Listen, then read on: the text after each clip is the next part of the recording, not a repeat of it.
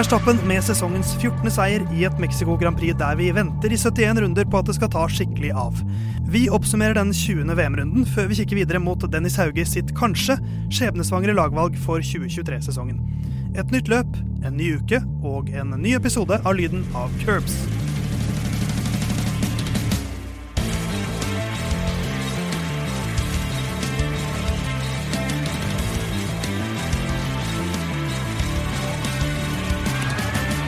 Ja, ja, mensan, da var det november, gitt, og du hører på Lyden av Curbs eh, shit, eh, som eh, Herman Borgstrøm ville sagt. Si hei til deg med en gang, Herman. Hei, hei. Hei, hei. Herman er tilbake. Theis hører du her også. Lyden av Curbs hører du på. Jon Hoftan, hei til deg også. Hei, hei, Theis. Det er jo ingen bombe at du er her, Nei, det er det ikke. men hvordan går det med deg for tiden? Eh, det går greit. Jeg har hatt sånn der Det har regna litt sånn innimellom. Det siste så jeg har pleid å huske å ta med meg regnjakke. I dag regnet det mer enn noensinne, Ja. og da tok jeg en dusj på veien fra jobb. Det er ikke veldig deilig. Men du har på deg caps, og har, har du det ofte? Eller er det bare jeg som har glemt det? Eh, jeg har det ikke ofte. Jeg har det ofte når det regner, Fordi ja. da slipper jeg å få vann på brillene. Ikke sant? Du har ingen briller, Herman, men du, har, du er freshly cut i hodet ditt. Det er en sånn praktisk tankegang rundt det caps-valget til Jon Halvdan som jeg bare ikke kan uh, Ja. jeg, jeg vet ikke, jeg, jeg klarer ikke å kommentere det engang. Men for meg er det helt bisart. Men du har ingen, eh, ingen Aston Martin-caps eller Mercedes-caps eller noen annen caps. Ikke Has-T-skjorte heller, selv Men- om jeg har tre i garderoben nå. Men en helt ny hårsveis, og det, det er Den ikke er billig. Du er- ser det oser spenn av den Og sveisen der. fresh. 750. Ja, 750, altså. Mm. Hvor mye bruker du på hårsveisen, Jon Halvdan? Mer enn det. Mer enn det! Ja. Ja, men jeg må, jeg må ha en høyere total, for jeg klipper meg jo ofte. Folkets mann her, 350, er det det det koster på Cutters nå? 350 også sånn hver tredje måned. Ja, ca. 60 dager pleier det å gå nå, så faktisk har jeg det litt oftere nå. Ja. Men uh, lyden av curbs, vi prater jo mye om hår, men også mye om Formel 1. Eh, og Det er det vi skal prate mest om i dag. Vi skal innom eh, Mexico, det må vi jo. Eh, vi skal også dykke litt ned i lagvalget til Dennis Hauger. Mm. For han har vi ikke snakket om på en stund, og det er fordi det har ikke vært noe Formel 2-løp på ganske lenge. Men nå skal vi dykke enda lenger ned, for nå skal vi finne fram til tallet 36 på et vis i Formel 1-verdenen. Zuccarello Ja, det er Sukka sitt Mm. nummer. i Formel 1. I Formel 1, ja. Mm. ja. Men vi skal tilbake til ditt favorittår, Herman, 1952. Eh, og vi skal tilbake til Alberto Ascari, og det er ikke så mange episodene siden jeg snakket om han. Uh, I tre, episode 32 var det vel? Var jeg her da, tror du? Det husker jeg ikke. Sannsynligvis ikke. Nei, sikkert ikke. Uh, da Jeg, nevnte der, jeg jeg ikke. at Ascari eh, han fikk 32 løp før han døde. Eh, så det var da relevant for episode 32. Var det men- variant av Skari? Er det Ja, han? stemmer. stemmer. Men han fikk 36 kvaliker. Nei, men, men, men det, det er enda mer innflukt enn det denne gangen. Eh, For det er altså tre ganger at en verdensmester har fått full pott på antall poeng. Eh, Altså 100% av maks poengsum. Og Alberto Ascari han fikk 36 poeng den sesongen han fikk 100 Da var det ikke mulig å få mer enn 36 poeng. Det var i 1952. Det var den tredje Formel 1-sesongen. Han vant da seks av åtte løp. Han deltok bare i sju, og han fullførte ikke det sjuende, så han, han vant alle løpene han fullførte. Eh, han hadde pole position i fem av dem, og raskeste runde i seks av seks fullførte løp. Eh, og da var det slik at du fikk åtte poeng for seier, ett poeng på raskeste runde. Men de hadde også en sånn fancy regel med at du får bare poeng på halvparten av løpene. Så dine, dine, dine fire beste løp, det er det som teller. Så du hadde på en måte lov til å ha to dårlige løp, for det gjaldt ikke.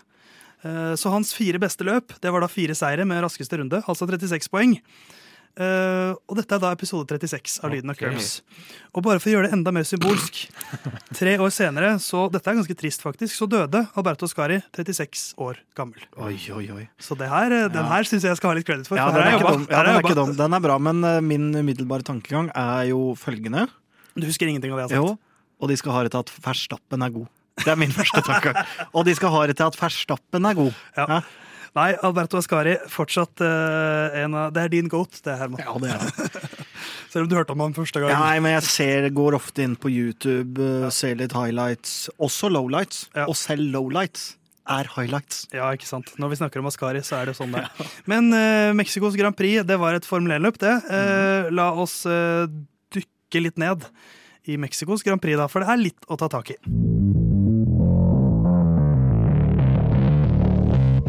Mexicos Grand Prix det var det tredje siste Formel 1-løpet i år. Det endte som eh, 13 andre løp tidligere i år, med eh, nederlandsk seier. Men eh, før vi begynner å prate og analysere, så skal Herman Borgstrøm, vår hjemvendte sønn, få lov til å oppsummere Mexicos Grand Prix. Og det, det har du tenkt å gjøre på ca. ett minutt. Ja. Eh, og så meldte du i en liten pause vi hadde her at du skal, du skal dra en slags variant, og det pleier du ofte å gjøre av slapphet. Ja, ja. Eh, Hva har du planlagt for oss? Um, nei, nå har jeg jo tidligere prøvd også live-kommentere det jeg ser, eh, på en oppsummerende måte. Lese opp uh, Ja, altså mens jeg satt på resultatlista. Ja, og så leste jeg opp resultatlista. Og så har jeg også hatt en sånn halvslapp litt før jeg begynte å fortelle hvor slapp jeg er. Så hadde jeg en sånn halvslapp hvor jeg liksom prøvde å bare ha noen veldig enkle stikkord. Ja. Nå går jeg for et uh, helt nytt aspekt. Uh, nå har jeg ingen ord foran meg. Og jeg har heller ingen Jeg har ikke planlagt noen ting. Så, såkalt improvisering. Ja, Så jeg skal egentlig improvisere, og jeg har en rekvisitt som er en milkshake. Ja. Sånn at hvis jeg tar en eh, Jeg kommer til å signalisere når jeg er ferdig. Så hvis jeg liksom tar en tenkepause med å drikke milkshake, så er det en del av tida. Ikke sant, For å dra ut tiden. Ja. Så nok en gang så slipper han unna med ø, å kamuflere en slags, en slags variant bak ø, Eller han kamuflerer slappheten bak en bar- variant. Ja, men, Ja, dette er vel det ærligste han har vært på, at jeg har ikke gjort noen ting. ja, men samtidig så kunne jeg vært sleip... Altså, Mamma har alltid sagt at det er bedre å være en ærlig kjeltring Ja. enn å liksom ha skjulte hensikter. Så istedenfor ja, så for å så si Eller liksom sånn ha-ha, jeg er morsom, jeg gjør det, så sier jeg jo hver gang at jeg har gjort ingenting. på en måte. Men da, lyden av Curbs sin David Toska, skal du få luften her. Eh, 60 sekunder har du på deg. Ja, Eller bør du prøve å treffe, da? Eh, jeg teller ned. ja. Klar, ferdig, gå. Ja, eh, Mexico Grand Prix begynner med Verstappen i pole, og vi kan jo ta et lite steg tilbake med kvalifiseringa, for da er eh, Mercedes overraskende raske. Eh, det sies at det er den tynne lufta, fordi banen ligger såpass høyt, som, som gjør at de kan overraske. Eh, Ferrari overrasker jo, men det er dårlig, så de er plutselig på en måte De har blitt sesongens Mercedes i Mexico eh, istedenfor. Og så har Mercedes blitt sesongens Ferrari, på en måte. Hvis dere skjønner hva jeg mener. Jeg appellerer også til dere to her, da. Eh, og så det fortsetter i løpet. eh, og da blir faktisk Mercedes prøver seg på noe strategi. Starter på medium, går til hard. Mens Red Bull starter på soft, går til medium. Det var den raskeste og beste strategien, så i det løpet som blir en thriller mellom Red Bull og, og Mercedes Det blir ikke noe thriller i det hele tatt. Så da vinner Red Bull, og da er det Verstappen på topp igjen. Og så er det da ved siden av seg så får den Mercedes-gutta Hamilton og Russell fordi Perez er dårlig. Eh, der er jeg ferdig. Ja, det var, eh, det var ikke noe milkshake-drikking, men det var eh, ett minutt og seks sekunder. Det var mer eller mindre riktig podium òg. ja, ja, ja. Ja, det er ikke så, det er ikke riktig, det? det er ikke så viktig at Perez ble nummer tre. Nei. Nei, ble han det? Nei. Jo. Jo. Nei, ble ikke... I kvalik ble det Mercedes 2-3. Å ja, så han kom så Hæ? Russell hadde Ja, en han gikk inn og pitta og tok fastest lap, han. Ja, Russell hadde en dårlig start, og så var det egentlig ganske statisk etter det. Ja. Men, eh, men vi har aldri vært så opptatt av fakta. Nei. Så da tenker jeg at det skal være Hvis, hvis oppsummeringa vår er 85% riktig, så er vi fornøyd. Og det var jo min oppsummering. Men det er jo på en måte litt passende at uh, dette ikke er den mest sånn uh, grundige oppsummeringen vi har hatt, Jon Halvdan. For det var jo uh, For jeg er, litt, jeg er ganske enig med det Herman sier med at det var det var et løp der jeg satt i 71 runder og venta. Eh, det, var, det var som om jeg ble at det var som en edging i 71 runder uten noe klimaks. Ja. Eh, For, det, for det var et, et løp der jeg satt og tenkte sånn Dette er egentlig ganske spennende, men også ganske kjedelig. Ja, jeg, jeg har det med å se på de intervalltidene, gjerne da i toppen, og se om det forandrer seg noe eh, liksom runde for runde. Å, det ble 1,7. eh, øker det 1,5 Ok, greit, da er det ingen eh, Men det skaper iallfall litt spenning eh, internt hos meg. Kjenner meg veldig i igjen i løpet akkurat det samme. eh, løpet for å underholde meg sjøl. Men altså, det var jo da eh, Max som starta i pole position. Han eh, eh, hadde på softdekk, og da skal Louis Hamilton ha sagt 'oh shit' på radioen da han så dekk... eh, hva det heter? Dekkteppet gå av eh, på starten av eh, løpet.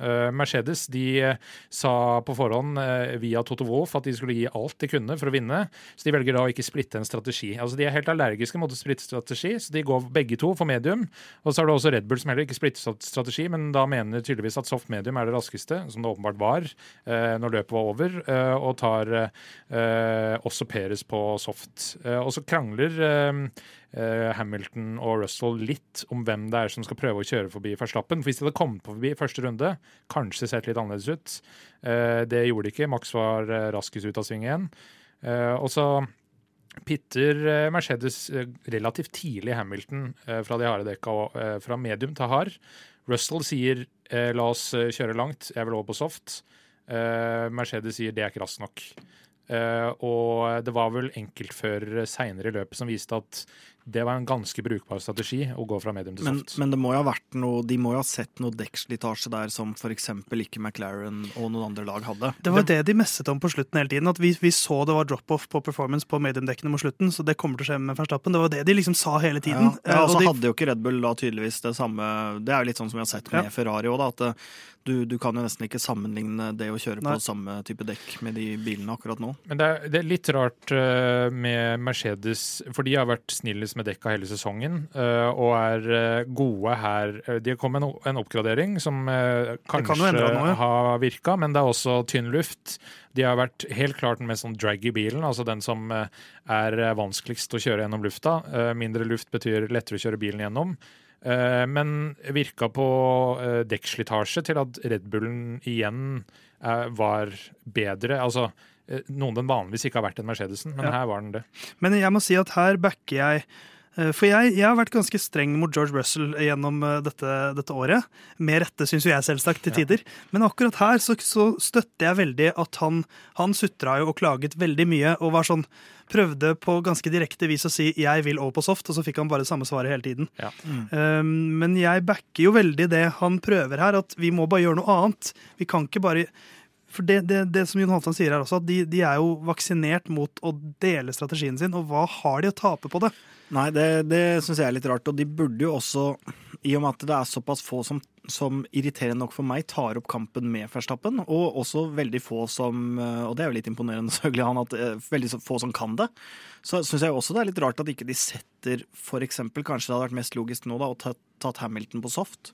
Og så prøvd å få han forbi i liksom uh, I og med at han lå rett bak Verstappen. da Og man vet hvor mye fordel det kan være. Og så Det er, det er vel mer logisk å sette Russell, som er ute av posisjon. For de forventa jo at de harde dekka At det skulle komme en drop-off. Ja, men jeg tenkte, fra, start jeg tenkte fra start, Ja, og så da få Hamilton på soft fra start. Jeg er enig, Sånn som løpet utvikla seg, så ville jeg satt Russell prøvd å strekke han på medium og satt han på soft på slutten. Men, Men- eh, de gjør jo ingen eksperimentering der, faktisk. Og jeg, jeg hadde en uh, liten tanke om at det kanskje er fordi de er vant til å være såpass mye raskere enn det de er.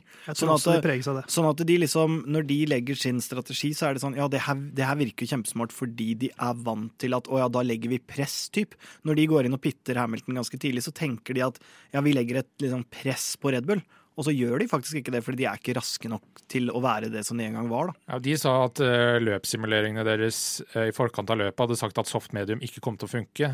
Men det ble vel tatt med C1, C2 og C3-dekk, som er de hardeste dekktypene til eh, Pirelli. Og det Litt rart at, at de mente at de harde dekka kom til å funke, når de fleste andre sa at de tror vi ikke vi får sett så mye den helga. her. Men tenk, tenk hvordan det er å være fører, og så liksom kjører du på medium, du har en viss følelse, kommer ut på hard og skjønner at du skal fullføre på hard, og så er det sånn Det her er Nå er det 50 runder igjen, ja. Louis. Og så, og så kom det seg jo litt, og så holdt de grei stand. Men, sånn, men de, de har vel egentlig malt seg litt inn i et hjørne her når de starter på medium med begge to. Mm. Uh, Eh, så jeg skjønner reaksjonen til Hamilton når det er liksom Ok, For, da, for når de er på medium, da, de, de måtte eventuelt ha gått på to softstint da, til slutt, tror jeg. men For å liksom ha for, et, da måtte det blitt, altså for Hvor lenge var det Louis holdt på de første mediumdekkene? Var det i drøyt 20 runder? eh, ja, noe Ja, sånn. da måtte han holdt de i typ 50 runder, da. Ja, Eh, og de hadde en drop-up der. Ja, ja, for det var det Max gjorde. Han Ja. holdt jo nesten 50, og Ricardo gikk vel motsatt vei. Altså den veien som medium. Mercedes kunne gått. Så Ja. det er jo litt interessant å se der. Men det er, liksom, det er vanskelig å slakte de fordi de bommer sånn sett. Men samtidig så tror jeg de bommer ved at de antok at de i større grad kunne legge press. da. De har- vant jo noen løp sånn i fjor, blant annet, hvor de liksom eh, gjorde endringer og, og liksom kunne presse eh, Red Bull ut av det. Eh, Men jeg så også et sånt sitat hvor Binotto mente at hvis det der var Ferrari som gjorde, så hadde de blitt sett seende ut som de idiotene. Og der backer jeg egentlig eh, Mattia litt. Altså. Ja. For det, vi har vært eh, harde mot dem òg, men de, de er liksom Én ting er å på en måte velge feil strategi på liksom at du tar en sjanse. Men de, men, de, men de gjør bare det samme med begge bilene, og det, det gir dem ikke noe Vi, De vi, tjener ingenting på det. vi hudfletta jo eh, Ferrari etter Ungarn da de satte Charlie Clair på harde dekk som åpenbart ikke funka. Og de harde dekka så ut da Louis han pitta fem runder etter Verstappen. Eh, og det så ut som han hadde ganske lik pace som Verstappen, ja. som da drev og vugga dekka i gang. Eh, fordi eh, dekka er jo nødt til å De må behandles veldig pent i starten av stintet for at de skal holde hele stintet. Så da så det ganske likt ut. Og så blir bare Max eh, mot eh, Louis eh, bare raskere og raskere utover løpet. Så den avstanden som vel starta på sånn 5-6 sekunder, ender på 15-16 ja. sekunder når løpet er over. Så Da blir det en ganske klar seier til slutt. Max Verstappen vinner med 15 sekunder, som er en veldig behagelig luke. Og han tar sin 14. seier for sesongen. Da har han slått den rekorden, og, og ikke bare delt den med, med Schumacher. Da har han flest seire i én sesong. Han må vel vinne resten for å prosentvis være Ja, men det er to løp igjen. Det, ja, det, er, det er, ikke mange løp, men Nei. for Formel 1 del kanskje vært greit med en annen vant uh, før sesongen er over. Det er lov å håpe, uh, men i, i, i førermesterskapet nå da, så er jo selvsagt det ingen endringer på toppen. Perez blir jo da nummer tre og er da fem poeng nå foran Charlie Clair.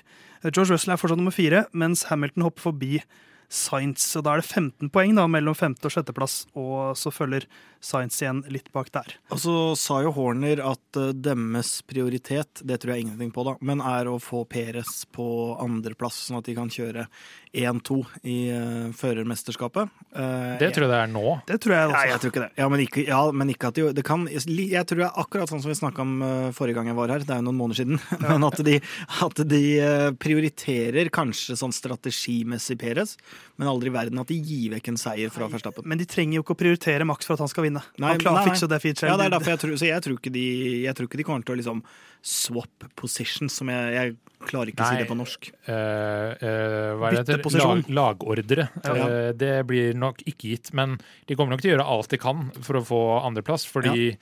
det vil være bedre Eh, fordi, altså Nå som Max har tatt den der eh, antall seire, så er det ikke så mange rekorder igjen å ta. Han har vel flest poeng i løpet av en sesong nå også, så det, er, det, er ikke, det eneste er størst differanse mellom første og andreplass. Men uh, det er jo egentlig ikke Red Bull så interessert i, hvis de vil ha egen fører på andreplass også. Nei, vi skulle gjort som i 1952, at bare de fire beste løpene var de som gjaldt. Eller halvparten, da, som det egentlig var da. Men det får være nok om de aller beste.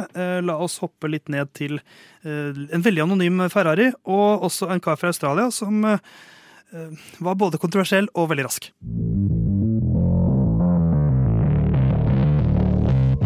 Det beste du sa i din oppsummering av løpet, Herman, det syns jeg var uh, noe jeg hadde skrevet ned i mine notater. Okay. Sånn egentlig, sånn, eller parafrasert, uh, at her ble på en måte Ferrari det Mercedes var. Ja, den er jeg, Hvis jeg skal være helt ærlig, så er jeg jækla fornøyd ja, med den sjøl. Uh, for det, det ordrett det som står i mitt notat, Ferrari og Mercedes har bytta plass. Ja, jeg er så fornøyd. For Ferrari var altså så anonyme som det er mulig å få blitt. De, var, de surra rundt der i sitt eget tempo, ble nummer fem og nummer seks uten å være i nærheten av å henge med i toppkampen, og ikke i nærheten av å bli pressa bakfra heller. Men hadde det vært en europasesong som venta nå, så hadde de kommet. er det noen av dere som husker løpet i Østerrike? Um, ja, det vil jeg tro, men hva, ikke Hva skjedde med Ferrari? Leclerc vant, og Science uh, tok fyr. Ja stemmer. ja, stemmer. det. Da han trilla bakover, ikke fikk stoppa bilen sin der. Uh, ja, uh, og det er noe av grunnen til at det gikk ganske dårlig for Ferrari i Mexico. Fordi Østerrike er noe Det er vel noen sånn 800 høydemeter eller noe. Dette er over 2000. Så Ferrari sin motor har en liten turbo som fungerer bra på lav hastighet. På nærmere Havoverflaten? Ja. Nærmere null meter. Ok, Så ingenting med hastighet å gjøre? Eh, nei. nei. men uh, det har noe med hastighet å gjøre fordi den spinner opp raskere, som gjør at de har raskere akselerasjon tidlig på langstrekket og uh, dårligere topphastighet enn f.eks. Red Bull. Ja. Eh, men eh, det, de var litt redd for at det samme skulle skje nå i Mexico. Så derfor Red Bull. Eh, tuna de ned denne her, eh, skal vi bare ta uh, en liten kunstpause, eller, Herman? Ja. vil, du, uh, vil du klippe ut det fra podkasten? Nei. Nei. Jeg vil ha det med, men det var så tydelig de var litt redd. Og da tenker jeg Bull som ja. nummer Men uh, ja, jeg tar, jeg tar delvis sjølkritikk, men den står jeg innenfor. Jeg tenker det du sier der er bullshit, men la oss Nei. gå videre. Nei. Uh, ja, De var bekymra for at det skulle skje med motorene. Bekymra bull? Uh, ja, bekymra bull. Uh, så de skrudde da ned motoreffekten og så dermed mye mer Mercedes-aktig ut. Som er egentlig hele forklaringa på Eller i hvert fall deler av forklaringa på hvorfor Ferrari så så Mercedes-aktig ut. Ja. Uh, nå er jeg livredd for at du Herman, skal trekke inn uh, Sitting Bull. Uh, Nei, det, nei, det er ikke, men det Hvis eh, Red Bull setter seg på bakbeina, eller noe sånt, da er det Sitting Bull. Nei, men- Sitting Duct, sier vi ofte.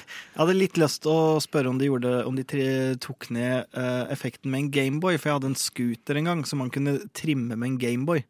Hvor man kunne skru opp effekten. Eh, men men det, det var litt avansert, så jeg, bega meg jo ut på det nå, men, eh, men ikke i det fulle. Nei, men, eh, men eh, Ferrari altså med eh, oksygentrøbbel, rett og slett. Ja. Eh, Det er på en måte en ærlig sak at bilen deres bare ikke funker når det er Jeg kan jo skjønne at det er jo ikke så mange løp som går så høyt over havet at det er sånn De visste vel kanskje at dette var et problem allerede i eh, januar. Ja, eh, Så litt pustevansker, akkurat som Herman pleier å ha annenhver uke når han er syk. Ja. Så det, det i tillegg til andre test på fredagen ble brukt til å teste de nye dekka til eh, Pirelli. Pirelli. eh, så- Pirelli. Ja. Eh, Så eh, de hadde litt lite data og bla, bla, bla. De gjorde den beste strategien, men altså soft to medium-dekk, stort sett. Men det ble ikke noe mer ut av det. Nei, Så da er jo resultatet at både Leclerc og Sainz mister, en, mister litt terreng i, i førermesterskapet, og at Mercedes nå er 40 poeng bak dem i konstruktørmesterskapet, men 40 poeng på to løp. Eh, når du ikke har den raskeste bilen, det er vanskelig å ta inn så mye, så jeg, jeg tror de har andreplassen ganske trygg. Men eh, en, en, mens Ferrari sleit med oksygen, så virka det som om en annen kar eh, hadde lungene fulle av luft. Dan Ricardo eh, kjører et godt løp, blir driver of the day og blir nummer sju til slutt. Så eh, er det kanskje litt kontroverser knyttet rundt den prestasjonen. Vi kan først hylle han for at han Ja. så fet ut på slutten. Ja, for musikksmaken, selvsagt. Neida, men det han jo var, han var, det var gøy å se Ricardo på softdeck på slutten. Ja, og så er han jo en eh, tidligere i hvert fall kjent som at han er en god overtaker. Ja. Eh, så det å kjøre forbi folk er jo på en måte det man ønsker å se han i en bil. Holdt på å begynne å le. For du, du sa overtaker, og da tenkte jeg motparten til wrestleren Undertaker. nei, nei, der må jeg sette ned Jeg, jeg tar sjølkritikk på at jeg fikk det segmentet er til å Du, spore du litt fikk oss til å spore av, men Ja, er, jeg tar selvkritikk på at jeg ikke fikk oss At jeg har sørget for at vi sporer av igjen. Ja, for du har hivd mer kull på det toget. som Og du var, er eh, lokfører, Theis, så Ja. nå må du ta ansvar. Men jeg må ha litt gøy av og til. Men ja, han var god her. Ja, han var god. Og det er jo Men han var litt ræva også. Nei. var det. Jo, det Nei. der forbikjøringsforsøket på uh, Ja, for vi, skal, vi skal komme dit, Jon, men nå vil jeg at vi skal hylle han først. Han er en killer. For han kjører bra her, og det, jeg, jeg tror ikke på den der I never left-greia som han liker å si. Det her, det, altså en Hva er det man sier? En svale gjør ikke en sommer. Det er litt det her igjen, at, at han er ikke fæ, han, altså, han er ikke friskmeldt pga. det resultatet her. Han hadde enorm dekkfordel på slutten her. Men eh, nå syns jeg vi kan prate om Sunoda-hendelsen. Nei, ikke enda. Nei, Fordi hvis han eh, Hvis Ricardo hadde holdt på sånn her hele sesongen, og fortsatt hatt dårlige resultater, så tror jeg kanskje ikke de i hvert fall hadde betalt for å få sparka han, på en måte. Eh, Det kan godt hende at framtida hans mot, eh, i Formel 1 hadde gått mot slutten uansett, men han viste jo, uansett om han er misfornøyd med den hendelsen eh, vi ikke snakker om enda, eh, og, og alt det her, så viste han noe. Eh, Ja. og det har han egentlig ikke gjort nesten i hele år. Så OK, selv om resultatene eventuelt hadde vært like dårlige, men han hadde vist noe det hadde vært mye stang ut, så tror jeg han kunne liksom hatt en sjanse. Eh, Og det, det var det som imponerte meg mest her. At han plutselig viste Ja, noe. For han, han viste selvtillit. Og så er jo en diskusjon her hvor mye av dette er Ricardo, og hvor mye er god strategi fra McLaren. Uh, det, er kanskje en, det, er, det er kanskje en miks. Men eh, tidlig i hans uh, oppstandelse her, så må noen ofres for at han skal få det til. Og Herman tar seg litt milkshake. Eh, for tidlig på hans softstint så skal han forbi Yuki Sunoda. Han klarer ikke det på DRS-trekkene, og da skaper han litt en åpning der. Han, han, han sparker opp døra, rett og slett. Ja, altså, han brukte vel eh, tre runder på å prøve på det. Altså, det han brukte ikke veldig mye tid. Altså, han kjørte seg opp etter han eh, pitta, så kom han ut på en 13.-plass, som raskt ble 12.-plass. Og så derfra så kjørte han seg til slutt opp til en 7.-plass. Så det er fem runder. Altså, det er imponerende Ja, ja. i seg sjøl. Men eh, altså, det det ser ut som først, er ja, han er god til å kjøre forbi, men han ser ut først når han forsøker å kjøre forbi Sunoda, så er det altså halvhjerta forsøk. Det er noe av de verste forbikjøringsforsøka du kan ha. Fordi han gir ikke alt, eh, og han trekker seg ikke skikkelig, så det blir en sånn der mellomting. Så Sunoda eh, regner jo med at eh, her eh, skjer det eh, OK, han har ikke prøvd enda, så da bare svinger jeg inn som forventa. Um, kjører inn i eh, fordekket til eh, Ricardo og eh, flyr litt opp i lufta og lander igjen. Og han fikk jo noe skade på sidepodsen osv. Uh, og det det da ser ut som Ricardo er en som har kjørt veldig på autopilot fram til da. Og så skjønner han at ok, det ble, det ble jo da til slutt ti sekunder tidsstraff. Så kan vi jo diskutere om fem eller ti sekunder hadde vært, uh, er det riktige, uh, i og med at Gasly fikk fem sekunder for noe lignende litt tidligere. Uh, men da skrur han på. og det er jo sånn, hvor har denne Ricardo vært hele sesongen? så det skal han ha. Men det han gjør med Sunoda, er Eh, det er skikkelig dårlig håndverk, ja. som han viser at han, han, behersker et veldig godt håndverk senere i løpet. Så jeg skjønner ikke hva som skjedde der. Nei, Og så, er det, og så får han ti sekunders tidsstraff. Det, han fullfører på syvendeplass og er ti sekunder uh, mer enn det foran nærmeste bil. Så han taper ikke noen plasser på det. Um, og da er spørsmålet, Herman Han, mm. han ødelegger løpet til uh, Yuki Sunoda. Mm. Og han må i praksis ikke betale noe som helst for det. Annet enn en ti sekunder, og det som i praksis ikke har noe å si. Eh, er det fair at han ødelegger løpet til en annen fører, og så blir det i praksis ikke noe straff? Nei, men det er jo en del av eh, Formel 1, da. Altså, sånn var det vel uh, Silverstone i fjor, blant annet, hvor Hamilton fikk uh, skylda for Verstappen, og så videre. Men er ikke det, med, det er jo det er nærmere enn altså, Selv, selv hendelser hvor det gis ut straff, så kan man si at det er ganske nær en, en race incident. At der er det del av skyld. Ja. Mens her mener jeg det kun er én skyldig part. Ja, altså Sånn Formel 1 er i dag, så er jeg enig i at det kun er en skyldig part. Og når Gasli får fem sekunder, og det er en fem sekunder Jeg er ikke nødvendigvis helt sikker på om det skal være det, jeg. Men, hvis, men det, det, er greit nok at det er det ut fra Og det var en rød tråd og sånn, så når det er en fem sekunder, så er jo Ricardo sin en ti sekunder. Det syns jeg jo. Men, og det syns jeg er greit, men jeg, jeg bare er litt lei av det her med at du kan forsvare deg så hardt du vil uten at det egentlig får noen konsekvenser. Sånn at det alltid er Sånn som det skaper jo mye mer løp å få Ricardo foran Sunoda der. Hvorfor skal han liksom kunne forsvare seg i det uendelige? Vi har jo sett det med Alonso og sånne ting. Så, men det er, liksom, det er, jo en større Det er en mye større diskusjon enn om det der var riktig eller, eller feil. Men jeg, jeg syns jo at det skulle vært litt større grad av det man har i fotball, med angripende lag til gode. Og så må det ikke bli helt Nei, for, galskap. For, her, er, her, gjør jo ikke Sunoda Han kjører jo ikke defensivt engang, han kjører bare helt vanlig. Han kjører racing line, han forventer ja. ikke at noen Han tenker her, her skal ikke Ricardo ja, forbi, og så bare Snakkes, gutta!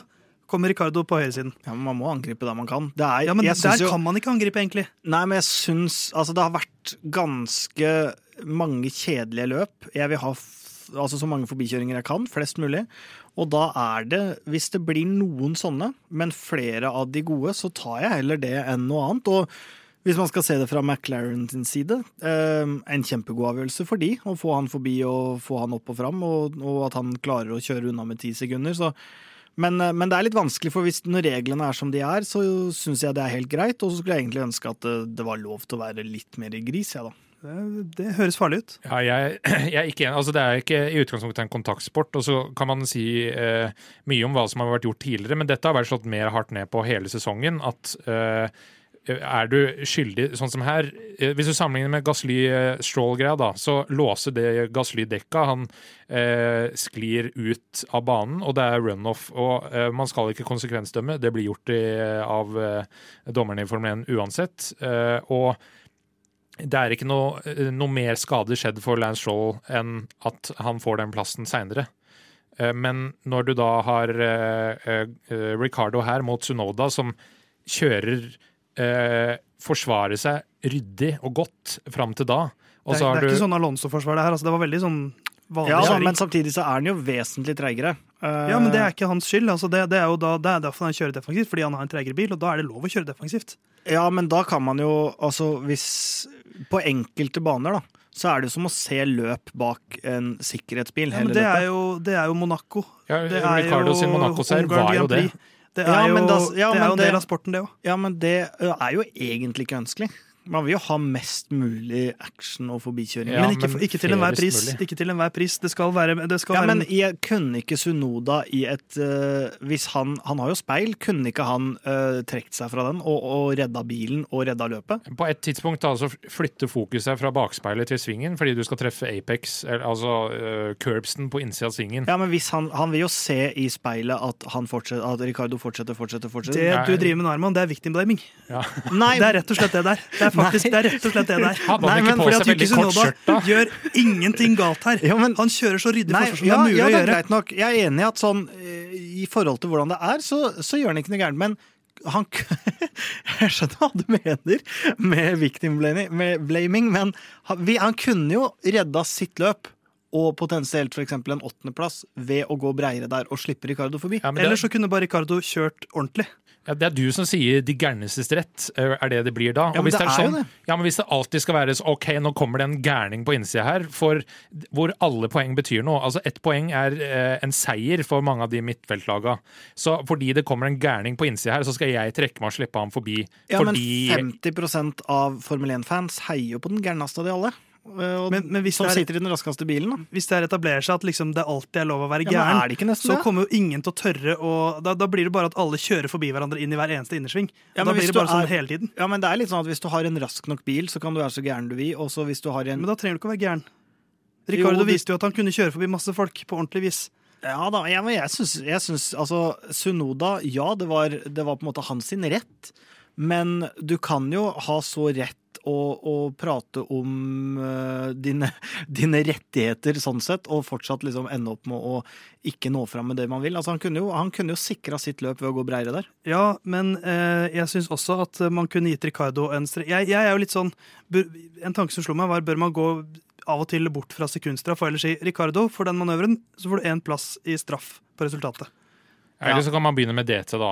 Altså drive-through. Ja. Som brukes veldig lite. Altså det er vel nest strengeste, strengeste straff etter stop and go-straff. Eh, Men eh, det, det er ikke historikk for det, om man skal gjøre mer av det.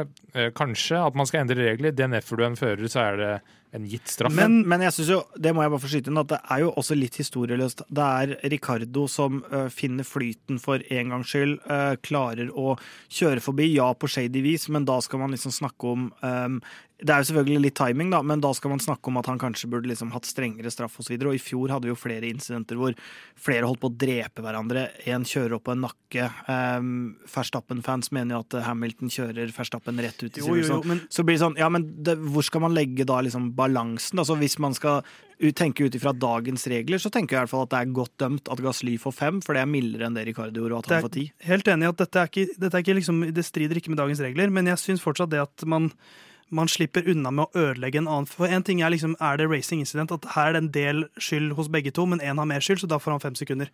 Her er det bare én skyldig, og han ender opp med å ødelegge den andre personens løp, 100 og slipper unna med det, uten noen straff for egen skyld. Ja, Eh, altså- og da syns jeg det er verdt å tenke over straffen.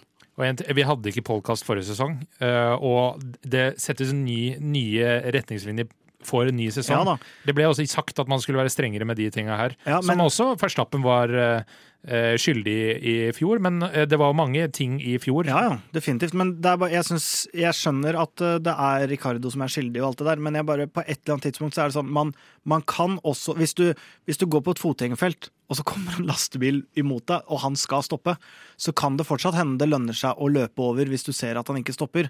Litt sånn blir det jo med et løp her, for det skjer jo ting hele Ja, men hvem sin skyld er det? Nei, det er jo da lastebilsjåføren Ricardo her, da. Til slutt, Helt riktig. Til slutt så må alle løpe over veien. Og der tenker jeg vi setter strek for den debatten. Og så kan vi si at Ricardo blir nummer sju, og Con, eh, Norris og Bottas følger på plassene bak, som gjør at uh, McLaren tetter luka litt.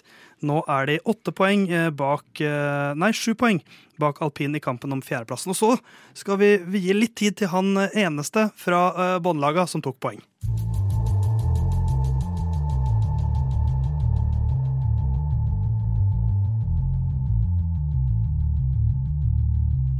De ni beste førerne i eh, søndagens Mexico Grand Prix var fra ett av de fem beste lagene i årets eh, VM. Og så, på tiendeplass, så finner vi Walter Bottas, den eneste av eh, lagene fra nedre halvdel som tok poeng, og han fikk ett lite poeng. Men jeg, jeg husker ikke om du nevnte i oppsummeringa di, Herman. Jeg Nei, tror nei, ikke du huska det. Men Valtteri Bottas i kvaliken her, Ja, for det var det en av skulle si. sesongens prestasjoner, syns jeg. Halvannen tidel foran Charles Leclerc. Uh, skal ikke kimse av det. Nei, altså det jeg også tenkte det, Jeg hadde nesten ikke helt fått med meg at han kom på tiende, jeg. uh, før du sa det nå. Men, for, og det som også er litt rart med det, er jo at man kan jo ut ifra hvordan helga var, si at det var en skuffelse. Det er sykt nok Ja. liksom sånn altså han, For han tar jo det poenget, og det er bra og alt det her, men ut fra kvalik så var det jo nesten en litt skuffende opplevelse. For da så det ut som han kunne kjempe om noe eh, Altså at eh, hvis alt hadde gått i hans favør, at han kunne kjempe om podium, på en måte. Men, Men, eh, men Bottas. Bottas har jo lenge hatt en uh, akilleshæl med startene sine. At de ikke de er nødvendigvis eh, av eh, Sebastian Fettel-slaget, hvor man kjører seg opp fra 20. til 14. plass på første runda. Eller Lance Stroll. Eller Lance Han starter faktisk bra. Ja, det Aston Martin-laget er eh, så raskt ut av Elendig kvalik, Ja. men startraske i, det i løpet. Det er rart. i, i alle løp. Eh, det ble vel, eh, så vidt jeg vet, så fikk Alfa Romeo en eh, eh, lenge etterlengta opp, eh, oppgradering til det her løpet, som eh, åpenbart fungerte iallfall bedre i kvalik. Eh, Så ligner jo på Ferrari i så måte eh, tidligere i sesongen, hvor de har vært bedre i kvalik enn i løp. Eh, Han blir jo også da eh, litt flaks at eh, man begynner å forstå mer og mer av hvorfor Alonso ville bort fra alpin, og det er at den bilen ikke har så veldig lyst til å kjøre eh, fullt løp. Hans motor er laget av gjendekjeks. Ja, så derfor eh, arver han jo den eh, siste poengplassen der, da Alonso ryker. Ja. Men eh, eh, strategisk eh, av Alfa Romeo, godt gjennomført løp og godt kjørt av Bottas. Ja, og fint også. Han, han, de begynte jo veldig bra, Bottas. Han hadde vel poeng i sju av de ni første løpene. Mm. Og så hadde han nå ti, ti løp, tror jeg, uten poeng. det er lenge. Før det ene poenget. Så det er, et veldig, et, det er bare ett poeng, men det er et veldig etterlengtet poeng. Eh, Og jeg syns den, den kvalikprestasjonen, den, den fortjente litt, eh, litt, eh, litt omtale, Ja, syns jeg. det er nesten som Latifi, Ja. eh, da han plutselig rota seg videre. Det er sant. Eh, Bortsett fra at Bottas kanskje har litt mer talent. Men det, men, men det er ett poeng, og det kan være viktig. For nå har Alfa Romeo 53 poeng. Øker da med ett poeng ned til Aston Martin. For ingen av lagene eh, nedover på tabellen tar noe poeng, så summa summarum så er ikke det sånn drastisk endret. Men ett poeng ekstra, da har de fire poeng å gå på mot, mot Aston Martin. Mm. Men vi er fortsatt der at ett et sånn godt resultat, det er det som kommer til å skje. Det er to løp igjen nå. Fire sjanser til å få poeng for de båndlagene også, selvfølgelig. Eh, hvis en av de lagene klarer å gjøre en Latifi hvor de bare loller seg inn i en sjetteplass, eller noe sånt. Ja, Det er jeg, det som kommer til å avgjøre den kampen om sjetteplassen og kampen om åttendeplassen. jeg hører du sier at det kommer til å skje, men jeg har blitt en slags dommedagsprofet, så jeg vet at ikke det kommer til å skje. Men se på, se på Fettel. Han har to sjetteplasser på de siste fire løpene. Det er, det, det er en sånn prestasjon som kommer til å avgjøre de kampene der. Ja, nå har vel også Gasli, eh, etter den femsekunderen, så er han vel nå på én straff unna raceband også, og det eh, kan jo bety litt, iallfall for laget som ligger nederst i den eh, nederst-fighten, hvis du kan kalle det det, Men- fra Alfa Romeo på sjette med 53 til eh, Alfa Tauri med 35 poeng på niende. Jeg vet at jeg kommer til å få stygge blikk fra programleder nå, men altså. Tenk å være alpin, og så har du liksom Ocon og Gasly for neste år. Det ser ikke supersexy ut, annet enn at de er franske. Jeg syns det er kjedelig, for Gasly var veldig sexy i fjor. Ja. Og jeg, og jeg syns jo Kon sin uh, historie er Ja. veldig sexy. Var ikke så sexy, den biten. Jeg, jeg, vet du hva, Du trodde du skulle få et vondt blikk av meg, Herman. Du skal få et varmt og søtt blikk. Fordi at jeg er helt enig. Jeg syns det er litt kjedelig paring. Ja. Det Nei, jeg er, bare tenkte eh, på den avsporinga det ble, jeg. Ja. en. Men å begynne Ja, nei, å snakke om det- neste års lineup Jeg er svak for en god avsporing av og til. Men, eh, men ja, det er ikke så mye annet å si om Mexicos Grand Prix, føler jeg. Har vi noe usagt? Er det noe vi har lyst til å nevne helt på tampen Ja, her? faren til Checo Perez ser ut som han der som sitter i rullestol med, med bjella i eh, Breaking Bad. Kanskje hvis du ganger han med to. Ja da, ja, det kan du si. Ja. To sånne ved siden av Men eh, for det, det vil jeg også si. Uh, det har, har vært litt sånn uh, fiendtlighet mot enkelte i Formel 1-sporten gjennom den siste uka. Men veldig fint å se viben mellom faren til Louis Hamilton og faren til Sergio Perez. Mm. De sto og kysta og klemte hverandre mens sønnene deres ble nummer to og tre. Det syns jeg er fint å se. Og så syns jeg Perez er oppe og veiver med fingeren til uh, buinga av Louis Hamilton. Syns jeg også er fornuftig. Så flotte prestasjoner og vennskap. Vi får se om vennskapet består i denne redaksjonen, og vi skal gå videre til tippeoppsummeringa vår.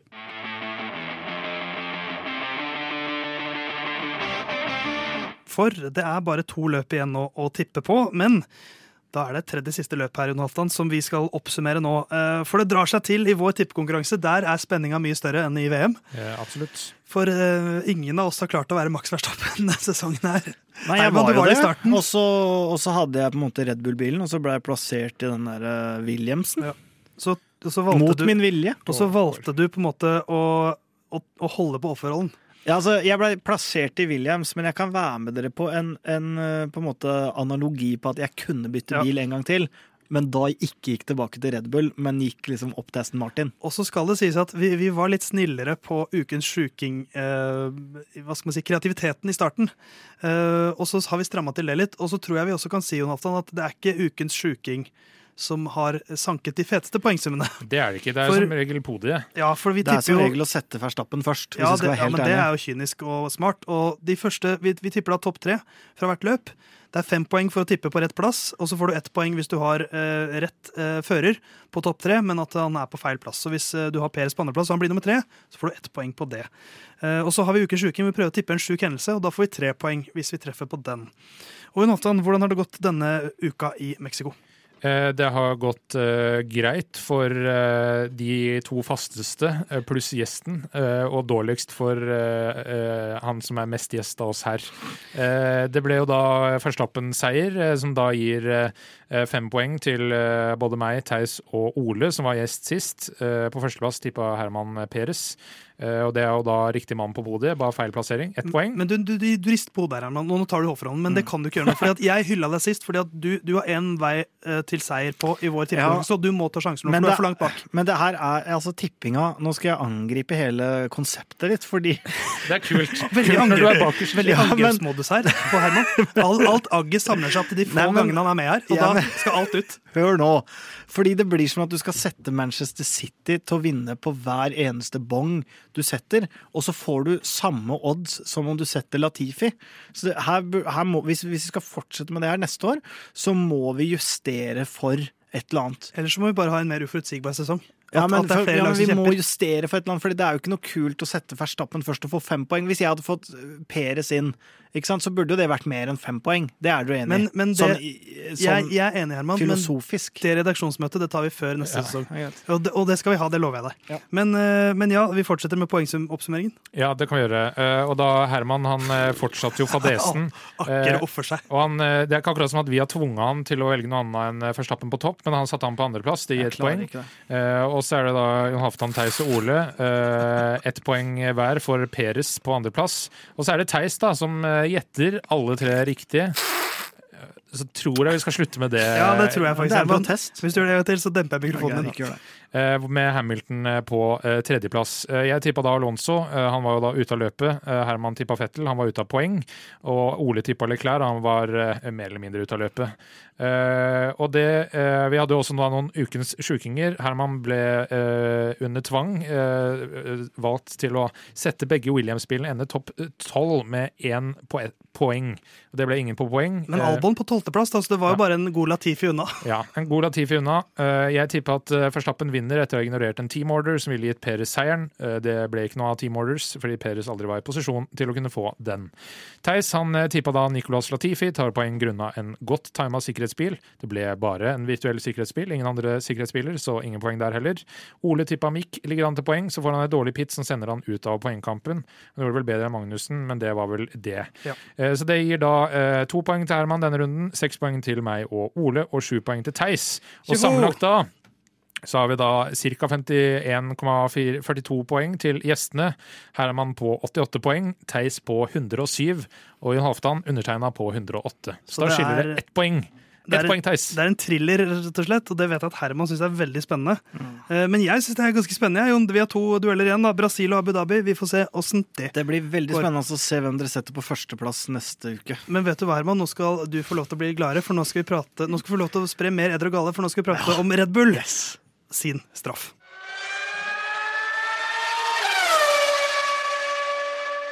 Fra Mexico til eh, FIA eh, og straff og eh, budsjett. Vi har prata mye om det de siste ukene, og vi skal på en måte sette et slags punktum for den debatten nå, for nå har straffen kommet.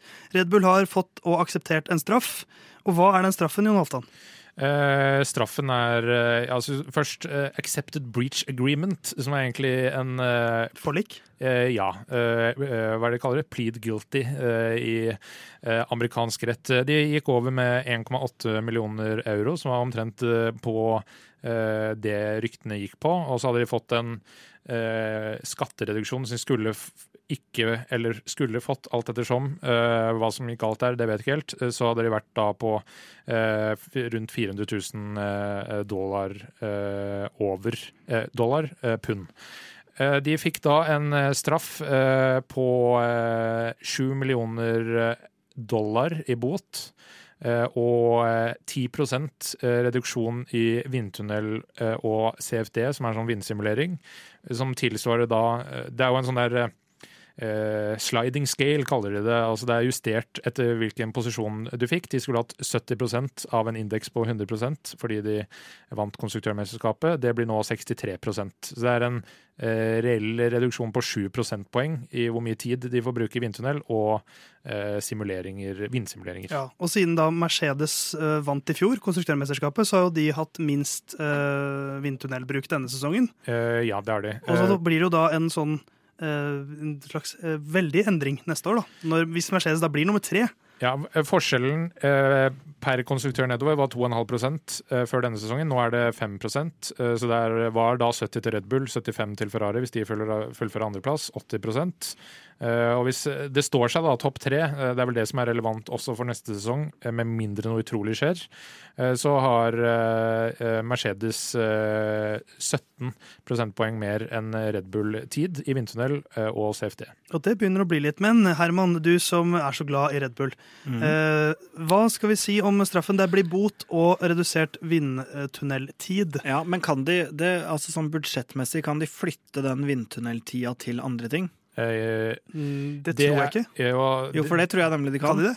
Det er poenget til uh, Mattia Benotto, hvis vi skal gå rett på den. Ja. uh, er, uh, jeg har ikke så veldig mye sånn Jeg lytter ikke så veldig mye til hva eh, Nei konkurrentene sier eh, om eh, straffe, for de har jo et politisk motivert grunn til å mene Ja, ja. det ene eller det andre. Men akkurat det Mattia Binotto sier om at eh, når man ikke trenger å bruke penger på å kjøre vindtunnel i de 7% av tida, altså de hadde hatt minst uansett, eh, så er jo det penger man kan bruke på andre ting. Ja, ikke sant? For da er jo også noe av problemet med hele straffa at de har jo opparbeida seg eh, den fordelen de har, og da kan de f.eks. legge mer eh, i, eh, i andre ting som ikke nødvendigvis må testes på en aeromåte. Da. Så, er, Ja. så er det klart det er en veldig viktig del av Det er jo det de på en måte eh, Det er jo der de skiller laga i utgangspunktet, så det er klart det er jo en essensiell del, men det hadde jo kanskje vært på sin plass at de heller ikke da kunne liksom flytte de pengene over et annet sted. Da. Sånn at det også liksom i større grad var en økonomisk straff på utvikling neste år, ikke bare en em, dere får ikke lov til å trene Fotballanalogi, selvfølgelig. Dere får ikke lov får, Se for deg Sheffield Wednesday, f.eks. dere får trene like mye fotball, men dere må ha eh, to dager i uka og ikke dere trener eh, forsvarstrening. på Ikke måte. noe innlegg på dere. Ja. Ja, så det, og, og den boten de får, den er jo bare for å si det, bøter er ikke en del av budsjettet. Så, så det er i praksis bare sl- hadde det, det, det er ikke noe straff. Det er jo, det er jo vindtunnel, altså Aero aerostraffen, som er en reell straff. Ja. Ja, og Og den som- kan de skyve over til noe annet. Så Ja. det er fortsatt en straff, det er ikke det jeg sier, men jeg, jeg syns jo Det er jo ikke noe overraskelse at jeg syns det er litt mildt, da. Um, Nei, nei. Det, det har du vært ærlig om Ja, men jeg, jeg er Jeg liker ikke juksing, altså. Uh, og ikke Altså, jeg er Bortsett fra når Daniel Ricardo, da er det greit. Da er det, helt, helt, da er det Nei, reglene som endres. Nei, men for min del, og det kan godt, da kan dere godt avskrive meg som menneske, for det skjønner jeg, for det Det er jo er, paradoksalt. Men for min del så er det forskjell i å jukse som gir deg typ seier, og jukse på noe som på en måte begrenser eh, et tap. For min del er det faktisk en forskjell. Jeg er ikke uenig. For hvis jeg vinner for eksempel et brettspill og jeg har juksa, det gir meg absolutt null glede. Eh, Men hvis jeg taper en kamp og har juksa til meg sånn Si at vi taper en fotballkamp, men jeg juksa til meg et mål, da. Eh, For å snakke litt teite, teite baner, så er det sånn Det vil jeg ha en enorm glede over. Eller fordi jeg eh, kanskje albua en fyr i magen. Ikke vold, men albua en fyr i magen så han fikk litt vondt. Og da OK, vi, vi tapte, Ja. men det var liksom det var deilig å gi fra seg litt. Også, Ja. Den kan jeg skjønne, men å jukse seg til seier, det syns jeg må Ja, straffes. og så er jo det kanskje ikke noe vi skal felle dom over om de har juksa seg til seier, men de har brukt mer penger enn det de hadde De lov juksa, til. De har, de har juksa, og så kan man diskutere hvor Uh, aktsomt det var, uh, og, og det kan vi gjøre i det vide og det brede. Men, men straffen i seg selv er jeg syns de er på sporet av noe, for det er ikke en voldsom, det er ikke en voldsom overtredelse de har begått her. Men, men at, at det ikke er noe økonomisk straff som har sportslige konsekvenser, det syns jeg Det irriterer meg litt. Ja. At, at det ikke er noe sånn OK, det- da får dere eh, hva Var det 1,8 millioner de var over? Ja. Ja, Da har dere 3,6 millioner mindre budsjett neste år. Ja, det syns jeg også burde vært en del av straffen. man kunne jo løst øh, øh, Nå er det i det at det er en accepted breach agreement, eller en ABA, eller ABA, så øhm, ligger det i at du kan ikke gi øh, reduksjon i budsjettet. Eh, det er liksom ikke en del av øh, Men det også er jo, jeg skjønner jo at det er reglene, men det er jo også bare sånn, det er jo bare teit at det er en regel òg, da. Ja, nå har alle lag eh, sagt ja til de reglene her før sesongen. Eh, Så kan man jo diskutere om dette var en dårlig måte å gjøre det på. F.eks. de sju millioner i bot som eh, Christian Horner gråter veldig, og de må selge sinnssykt mange Red Bull-bokser. Det problemet kunne man løst hvis man da tok de ut av budsjettet. Fordi da er det ikke det noen ekstra penger du må bruke, det er bare penger spart, penger tjent, netto ingen straff. Og så kan man jo også diskutere litt hva de pengene burde bruke, bruke, brukes på. fordi eh, det var vel noe sånt som over 70 000 eh, budsjettposter bare i Red Bull sitt budsjett. De har gått over på 13 greier som jeg ikke kan begynne på å og forklare hva det er. Eh, men det er kompliserte greier å eh, håndheve. Eh, og Fia har færre folk enn det enkelte laget har for å deale med det her. Og det, og det tenker jeg i utgangspunktet er en liten eh, arrangørskandale, nesten. At, at Mm. her har man satt inn masse regler, og så er det ikke noe eh, reisverk som skal holde dette systemet oppe. Ja, og vi snakka, eller Jeg nevnte bukken til havresekken. altså Dette er eh, selvjustis i stor grad. For Fia har egentlig ikke ressursene til å avdekke ting. Eh, så eh, man har stolt på det som har blitt levert av laga, og beskrivelsen av det. Blant annet catering, da, som var en del av det, er fordi Red Bull eh, har Noe av catering ville vært fratrekkbart, men de har også catering til de ansatte, som er jo en ansattkode, altså en form for lønn. Men fordi de ikke hadde mulig å skille ut det, så blir alt trukket fra. Det var selvfølgelig Christian Horner litt sur over, men, Men, det er kompleksiteten i men det. det her, da. er jo også, uh, for min del, noe av det dummeste med den straffa, er at uh, det er ingen grunn, bortsett fra ærlighet og redelighet, som tilsier at ikke de andre laga skal gjøre det her neste år, og egentlig også Red Bull. Og derfor så må de bruke Hvor mange revisorer får man for 7 millioner dollar? Nei, men uansett om de har bruker revisorer og finner ut av det, eh, så kan de jo bare ta den straffa. Sånn at hvis Toto Wolff eksempel nå, hevngjerrig som få sikkert, vil jeg anta, eh, vil ha eh, tittelen tilbake, ok, gå over med akkurat samme som Red Bull har. Legg den straffa de fikk, inn i budsjettet, sånn Ja. at ikke det kommer som en overraskelse Men neste november. Dette har vi prata så mye om. Jon Halvdan, du skal få en siste replikk. Ja, det, er, eh, det ene der er eh, for det første Hvis noen gjør det samme neste sesong, så blir straffa strengere. Og det Fordi president, eh, presedens er satt, så straffen kommer ikke til å være lik. Nummer to, bilfabrikantene, alpin, Ferrari, Mercedes, de kan ikke fremstå som juksere. Dieselgate, Mercedes er veldig avhengig av ryktet sitt. Jukser de i Formel 1, så er det hva annet jukser de med. Så de vil ikke kunne gjøre det. Mens Red Bull kan gjøre hva de vil. Men dette kommer vi garantert til å prate om i løpet av kanskje starten, vår oppspark til neste års sesong, og sikkert mer i årets sesong òg. Men nå skal vi prate om en kar som vi ikke har vært innom på en god stund, fordi han har ikke kjørt uh, Formel 2-løp på en stund, men Dennis Hauger. Oi, jeg ville si navnet hans, for jeg ville si Dennis Hauger. Dennis Hauger, som jeg kalte han en gang, eller Dennis Hauger, som han egentlig heter. Han skal kjøre Formel 2 neste år også, sannsynligvis.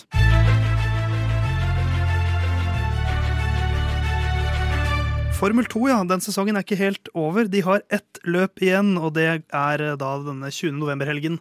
Da Formel 1-sesongen avsluttes i Abu Dhabi, så skal også Formel 2-sesongen avsluttes i Abu Dhabi. Så der skal Dennis Hauger i aksjon igjen. Men eh, det koker litt rundt vår, eh, vår mann, som vi liker å si, for tiden. For nå er det bekreftet han skal ikke kjøre for Prema neste år. Og det er jo i seg selv litt overraskende, i og med at det var det beste, beste laget i fjor. Det er ikke overraskende etter denne sesongen. Nei, ikke etter denne sesongen, men hvis du hadde sagt sagt det til meg eh, i fjor, da, før denne sesongen, at den er Dennis. Hauger skal forlate Prema fordi de er dårlige, Ja. da hadde jeg blitt overrasket. Ja. For, eh, for de har vært eh, svake. Men ifølge VG så er det nå fire lag det står mellom. Så jeg tenkte jeg skal ta en liten, uh, liten gjennomgang av hvilke lag det er. Og så skal Herman og Jon Halvdan få lov til å reagere. Uh, Jon Halvdan and Herman Reacts-video kommer kanskje etter hvert. Men MP Motorsport er et av de aktuelle lagene. De har Oh. 281 poeng. Oh.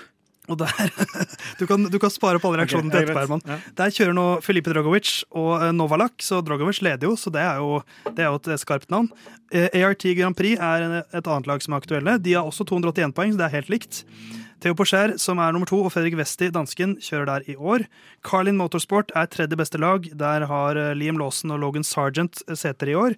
Mens Virtuosi Racing de er sjette best i år med 224 poeng. Eh, Carlin da med 258, sist jeg sjekka. Så de er 23 poeng bak lederne. Og så har du Virtuosi da på sjetteplass med 224. Jack Doon og Marino Sato kjører der. Så oppsummert, de tre beste lagene og det sjette beste laget i år er visstnok de mulighetene som eh, Eller de, de det står mellom, da.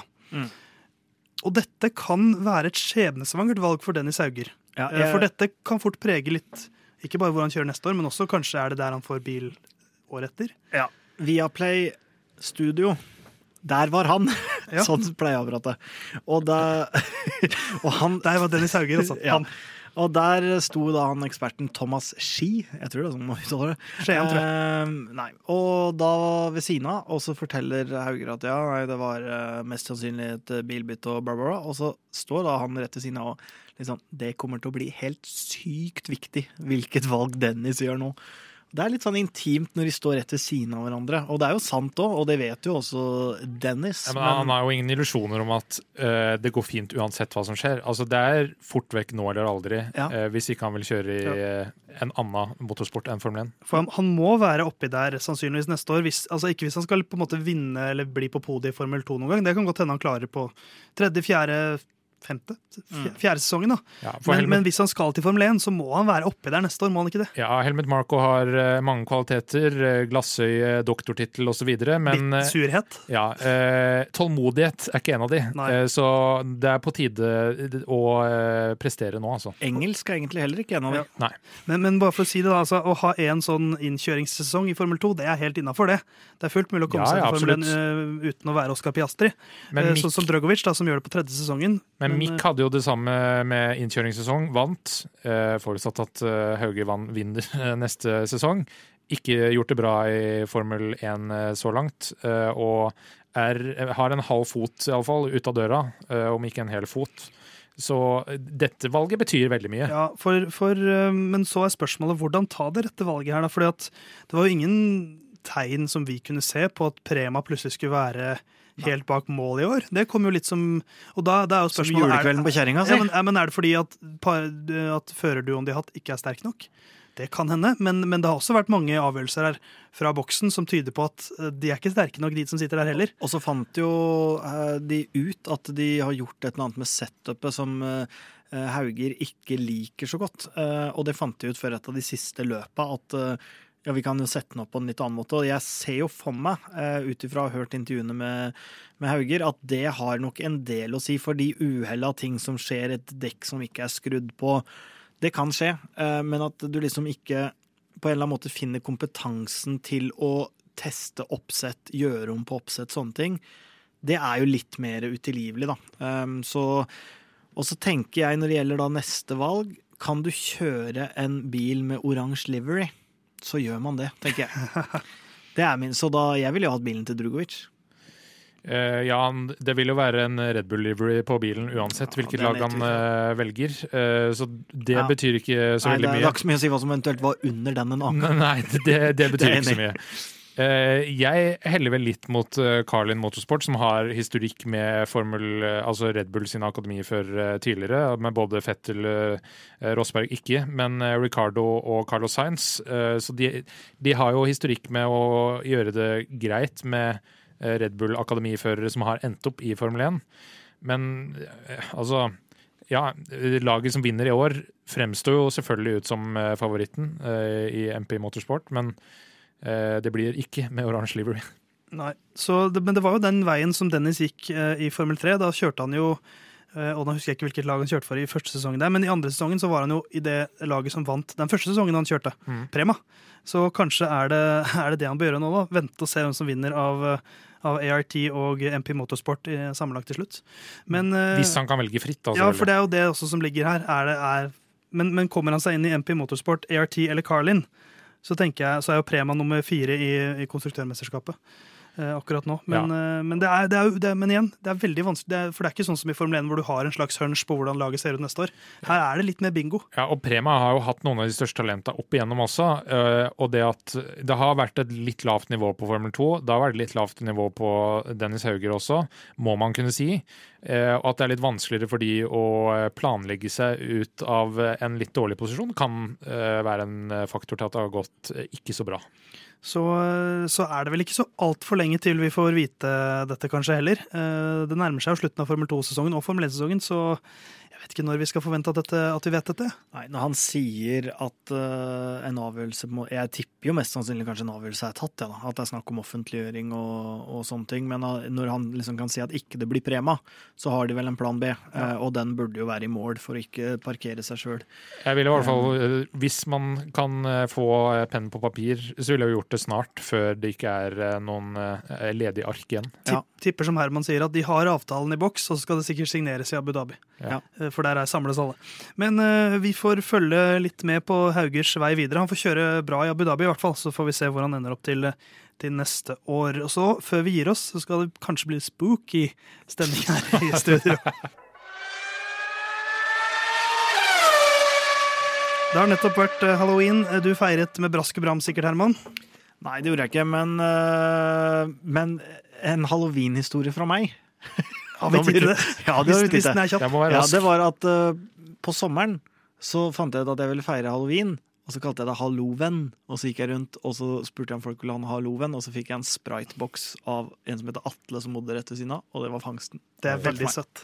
Det, men uh, Sprite, altså. Det er veldig søtt. Historien var helt Ja, for, og jeg var, for, jeg var mye eldre enn liksom sju år. Ja, for Jeg dette var det her. Dette var mens du skrev bachelor. Ja, omtrent. Ja, for da er det ikke like søtt. Men se for deg følgende, Herman. Jeg har en Nei, jeg tror Du er i en mørk og stormfull aften ute Nei. i Langangen-skogene. Mhm.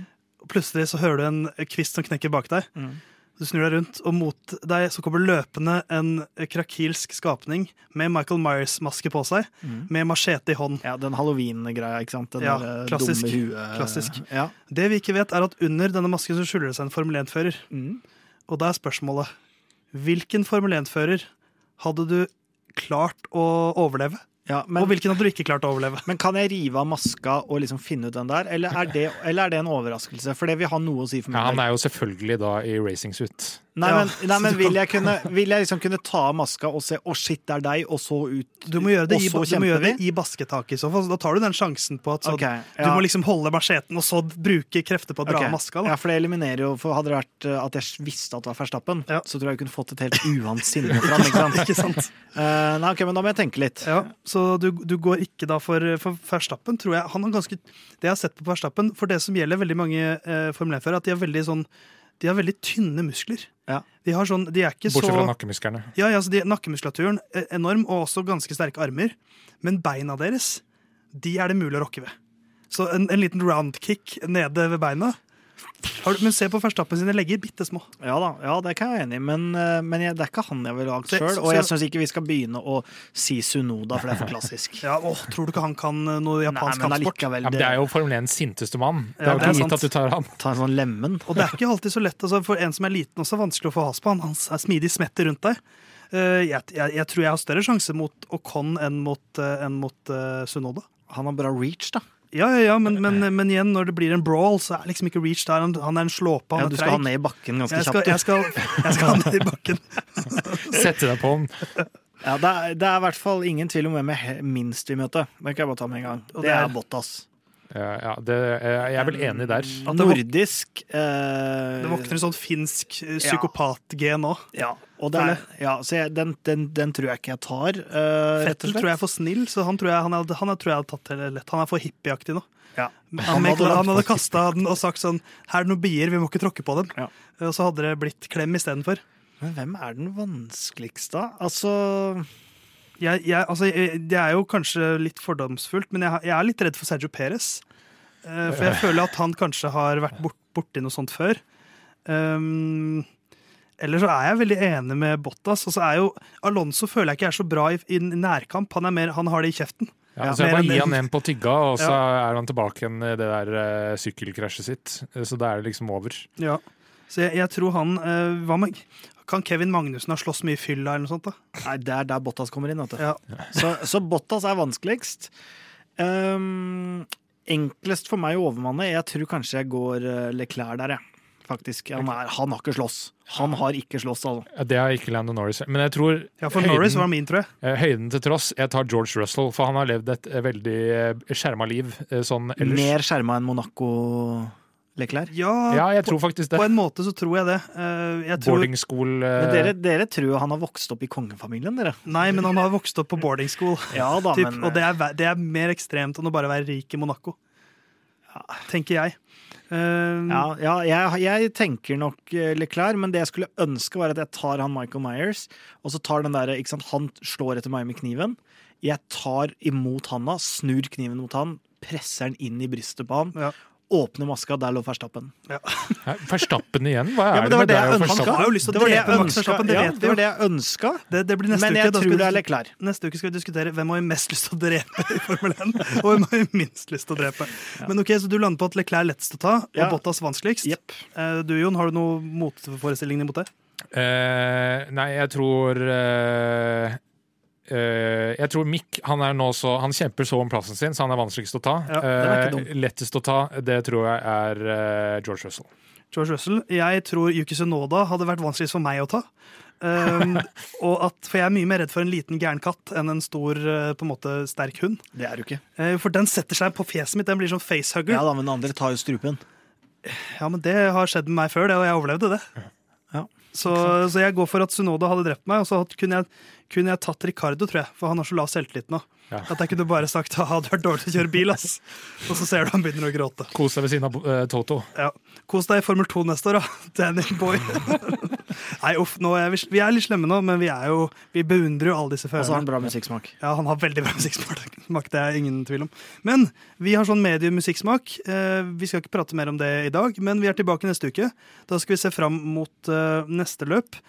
Eh, og hvor er det det går inn? Det er Brasil, det! Det er Det er et gøy løp. Mm. Så Det vi gleder oss til neste Dere får kose dere, for jeg dukker vel ikke opp som vanlig, tenker da, jeg. men det var hyggelig at du kom hit eh, denne uken, eh, Herman.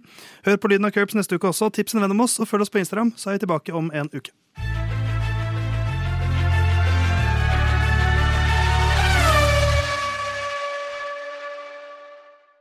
Good luck this weekend, Stroll. Thanks.